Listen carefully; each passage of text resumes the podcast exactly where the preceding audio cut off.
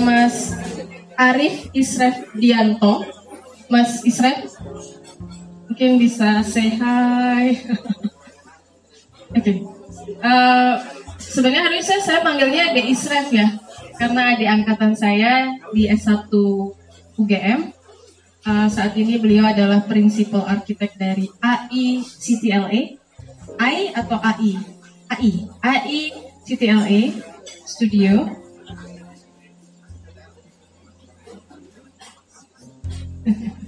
AI itu berarti Arif Srevianto. Oke. Okay.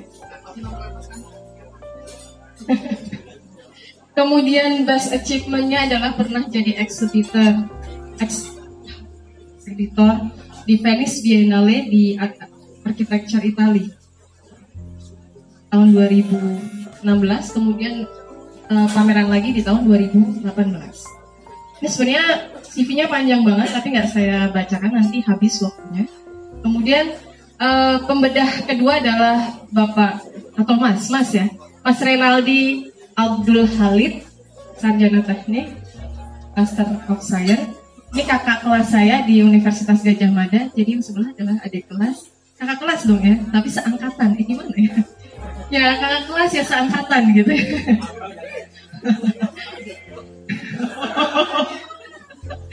Kemudian lahir di Pontianak, Kalimantan, ya kan? 21 Mei, tahunnya mau disebutin nggak? Nggak usah ya. Nggak ada soalnya ya.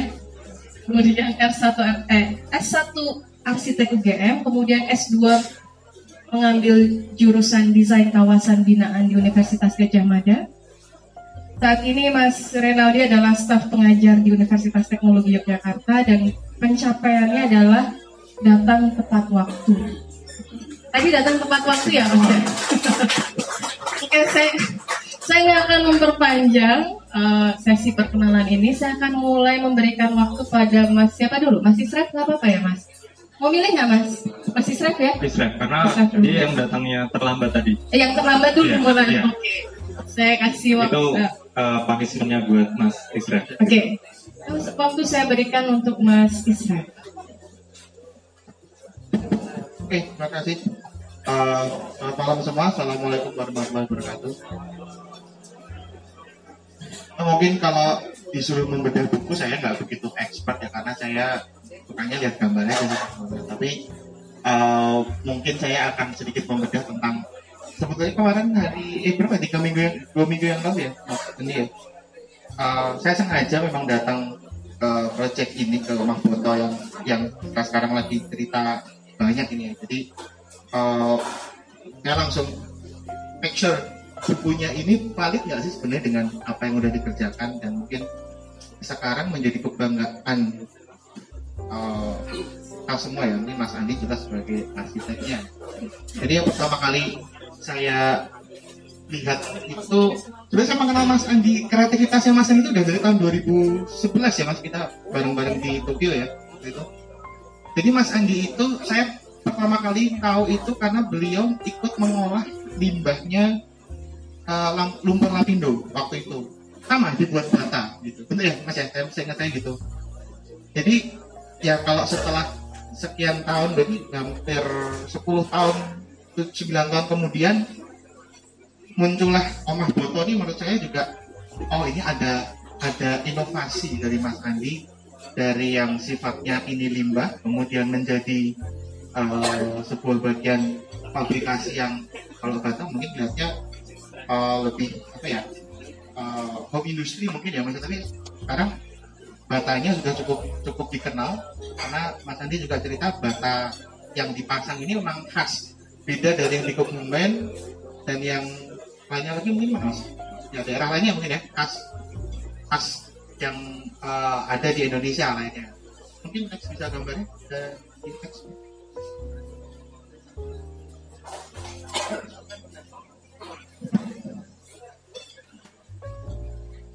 Oke, jadi ini sebenarnya gambar beberapa foto-foto ini adalah foto-foto yang yang di share oleh Mas Andi dan saya memang lihat hasilnya karena waktu itu saya sudah lihat beberapa uh, hasil ketukangannya. Jadi saya bertanya Mas Andi, Mas, kok Anda pede banget sih membuat sebuah fasad yang ini elemen-elemen kecil ini mungkin orang kalau nggak tahu di belakangnya atau keteknikannya rumah batu ini kan gede ya apa namanya uh, surface-nya gede gede banget. Jadi gimana memulainya untuk meyakinkan bahwa bata ini worth it untuk dibikin sebuah fasad? Dan ternyata saya melihat bangunan ini adalah secondary skin ya kalau di di, di gambarnya. Uh, nggak kelihatan ya Nah ternyata Mas Andi itu startingnya memang suka membuat uh, sebuah riset dari yang kecil. Jadi Mas Andi pernah cerita, kemarin cerita awal mulanya membuat susunan-susunan bata ini dari media kecil. Mungkin ini semoga bisa menginspirasi. Jadi buku ini memang inspirasi sebetulnya. Dan lebih terinspirasi lagi ketika saya memang tanya langsung ke Mas Andi. Mungkin di sini nggak bisa cerita banyak ya Mas ya. Jadi Mas Andi mau me, apa ya istilahnya mengeksperimenkan bidang yang cukup besar di rumah bata ini dari bagian-bagian yang kecil. Dari pagar mungkin terus uh, apa lagi railing dan kemudian teknik penyusunannya semakin ke sini semakin disempurnakan. Akhirnya ketika itu uh, proses pemasangan batanya jauh lebih kuat. Dan seperti ini. Saya nggak kebayang juga pertamanya melihat teknik seperti ini kemudian bentuk jadinya. Ternyata cukup effort yaitu tukangnya memang nurunin dari atas semua ya. nurunin atas semua nah itu juga ketukangannya bukan masang ya tapi ketukangannya adalah bagaimana memasukkan dua lubang yang ada di kanan kiri setiap bata disusun ke atau mungkin apa ya di di mas? Di seloroke nah itu, itu bahasa Jermannya di seloroke dari atas ke bawah. Yang mungkin tingginya bangunan ini hampir 20 meter mungkin ada ya ada atas bawah kan 9 meter jadi ini cukup cukup luas sekali dan memang menantang. Kalau lihat safety-nya ya ini sebetulnya kalau K3-nya jelas nggak masuk ya tukangnya ya. Tapi itu sekali lagi ya bagian dari apa uh, kearifan lokal tukang di Indonesia ini kan pemberani ya semuanya ya. Nggak perlu safety shoes, nggak perlu harness segala macam, tapi ya itu akhirnya nyatanya jadi gitu. Sampai kalau kita lihat di buku ini di belakang buku itu kan sambat semua ya angel, kreal, apa apa jadi mas ya banyak banget tadi di belakang ini intinya tukangnya sambat semua sebenarnya. Tapi ketika jadi mereka puas semua.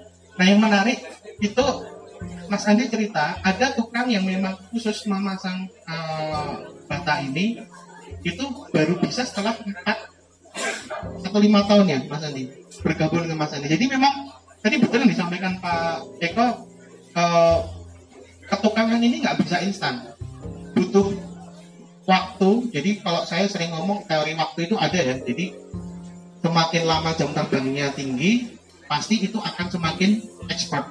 Nah ternyata tukang ini expertnya bukan main sampai bisa menyusun bata sampai dengan hal yang cukup besar. Jadi kalau kita lihat dari nyusun tembok nyusun apa uh, railing ternyata sekarang bisa menjadi bikin pasar.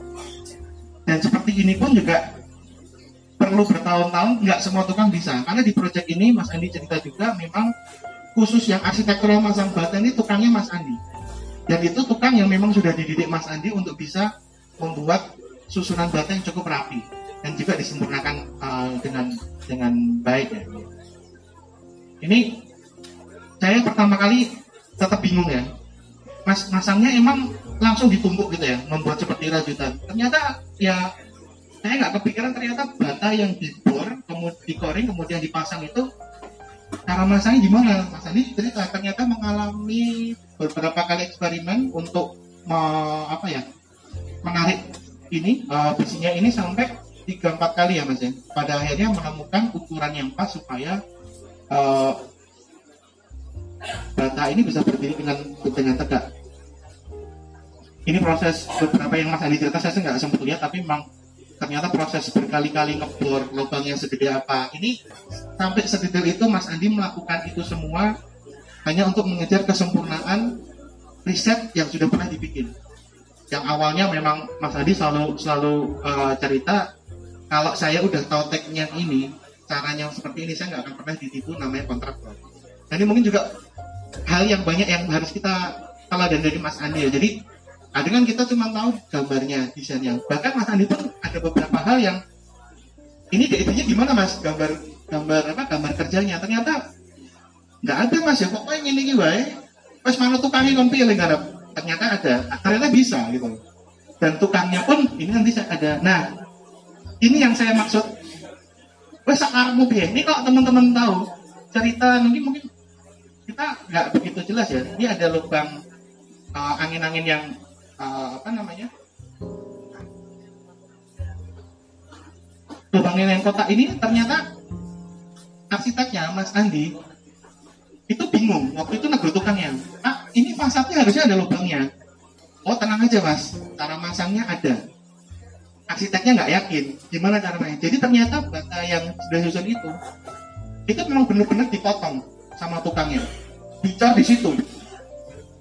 Dan tukangnya itu yang meyakinkan Mas Andi bahwa Mas ini fasad batanya ini ambo Arab di Arab di, di apa di landeti nggak bakal rubuh kena gempa nggak bakal rubuh tapi arsiteknya bingung. Nah inilah tadi teknik ketukangan yang kita sendiri nggak bisa membayangkan. Tetapi karena tukang itu melakukannya itu sendiri akhirnya si arsiteknya ini yang meyakinkan bukan arsiteknya tapi tukangnya.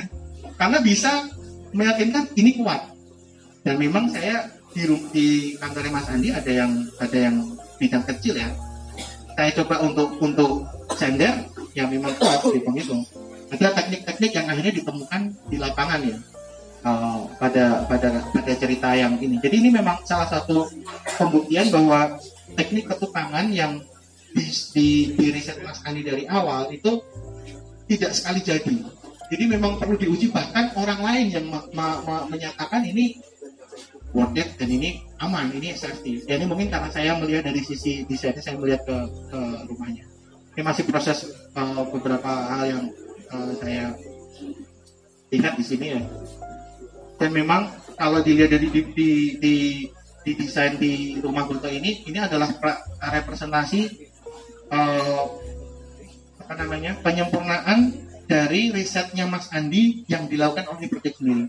Jadi pesan moralnya, pesan moralnya itu kita memang sebagai arsitek itu tuntutannya adalah progresif. Artinya yang saya pelajari dari Mas Andi. Itu menemukan hal-hal yang baru. Menemukan hal yang baru dikembangkan. Nah yang susah nih memang tadi betul. Ketemu kliennya yang mau di dalam tanda kutip jadian bagian dari risetnya. Nggak tahu ini gimana gitu kan. Kan mungkin kalau yang punya rumah cerita Mas Andi juga masih ragu-ragu ini kuat apa enggak baru tukangnya yang bilang Mas Andinya sebetulnya bisa diragukan ini jangan-jangan arsiteknya iseng ini masang bata segede itu tanpa diperhitungkan kekuatannya. Tetapi ini sudah sudah membuktikan bahwa kekuatan ini saya bisa melihat. Ini ada beberapa contoh dan kebetulan uh, mungkin agak out of topicnya. Ternyata Mas Andi pun melakukan nota bata ini mungkin di buku kedua ya. Ini ini sedikit spoiler spoilernya. Mas Andi akan ada buku yang selanjutnya. Itu tipikal bata yang apa mungkin seperti Lego ya Mas Andi ya. Tapi nanti di next bukunya. Jadi kita tunggu aja. Kita doakan Mas Andi sehat selalu. Masih sempat memberikan uh, kontribusi ketukangan untuk teman-teman arsitek muda. Ini beberapa sampelnya lagi. Ya mungkin sedikit itu. Jadi uh, dari buku ini yang sedikit saya simpulkan riset Mas Andi cukup panjang sampai Mas Andi mungkin dan Mas Tenas melihat bata ini memang itu adalah bagian dari sejarah dari Jawa Timur ya, dari Majapahit. Yang itu juga menyebar ke sana. Tetapi justru saya melihat di sini, ternyata Bata itu sudah bahasa global. Kita tahu Mario Bota, dia juga bikin. Jadi sebetulnya Mas Andi udah visioner. Menurut saya visioner karena udah mulai membuat sebuah membuat sebuah uh, apa ya uh, inovasi yang itu sebetulnya zaman dulu. Atau mungkin tinggalan zaman kuno ya. Tapi ini diperbarui. Diperbarui adalah dengan ketukangan yang cukup cukup menantang tetapi sederhana. Kita nggak kebayang kan masang bata seperti mungkin teman-teman sering ya mau, mau, mau buat apa pengen buat fasad bata. Tapi ini konstruksinya gimana? Nanti sampai ketinggian sekian bisa rubuh. Itu simpel. Mas Andi melihat ini dari susunan bata yang ada di candi kemudian pertanyaan-pertanyaan simpel kalau bata biasanya uh, jamuran kalau kena air. Mas Andi mempelajari juga dari dari penyusunan bata itu ternyata kalau menyusun bata tidak ditaruh di paling bawah karena seperti karena ada sifat kapilaritas yang itu naik.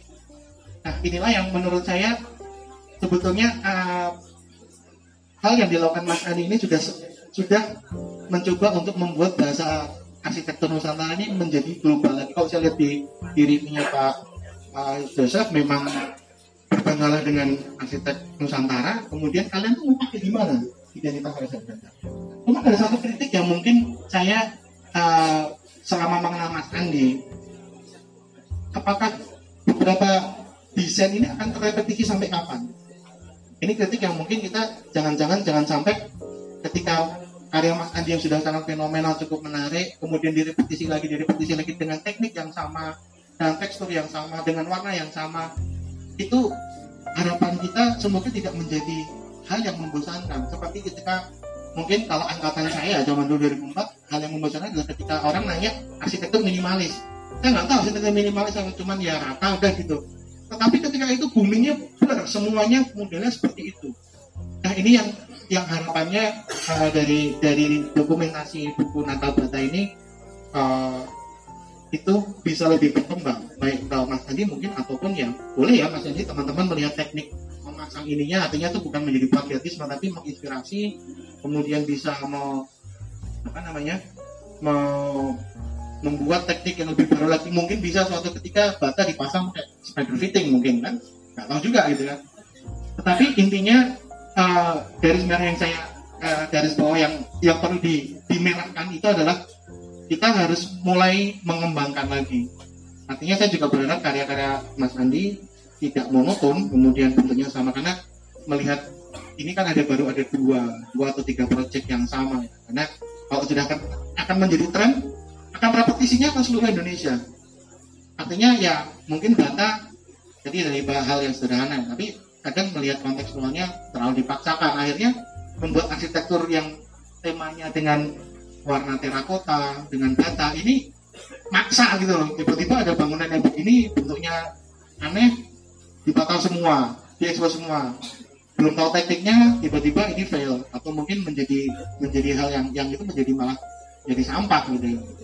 Ya, jadi uh, yang review saya sempat memang saya lihat dari karya Mas Andi adalah uh, ternyata kekayaan arsitektur Nusantara atau mungkin ada sumber daya yang ada di, di uh, Indonesia ini sebetulnya sudah setara dengan arsitek-arsitek yang arsitek karya arsitektur yang ada di luar negeri. Mungkin saya ceritanya agak sedikit ke arah desain karena memang saya memang memfokuskan pengen lihat di sini dan memastikan bahwa teknik-teknik yang ada di sini kemudian ada ada apa ya rayuan-rayuan dari para penulis Mas Anas mungkin ada review juga jadi memang betul uh, apa namanya Nata Beta ini memang saat ini saya bilang saat ini Mas ya mohon maaf saat ini itu akan menjadi sebuah fenomena dan hal yang memang akan dikulik oleh arsitek-arsitek meskipun lainnya ini seperti di belakang juga ada pasang data tulisan Expo tapi mungkin nanti suatu ketika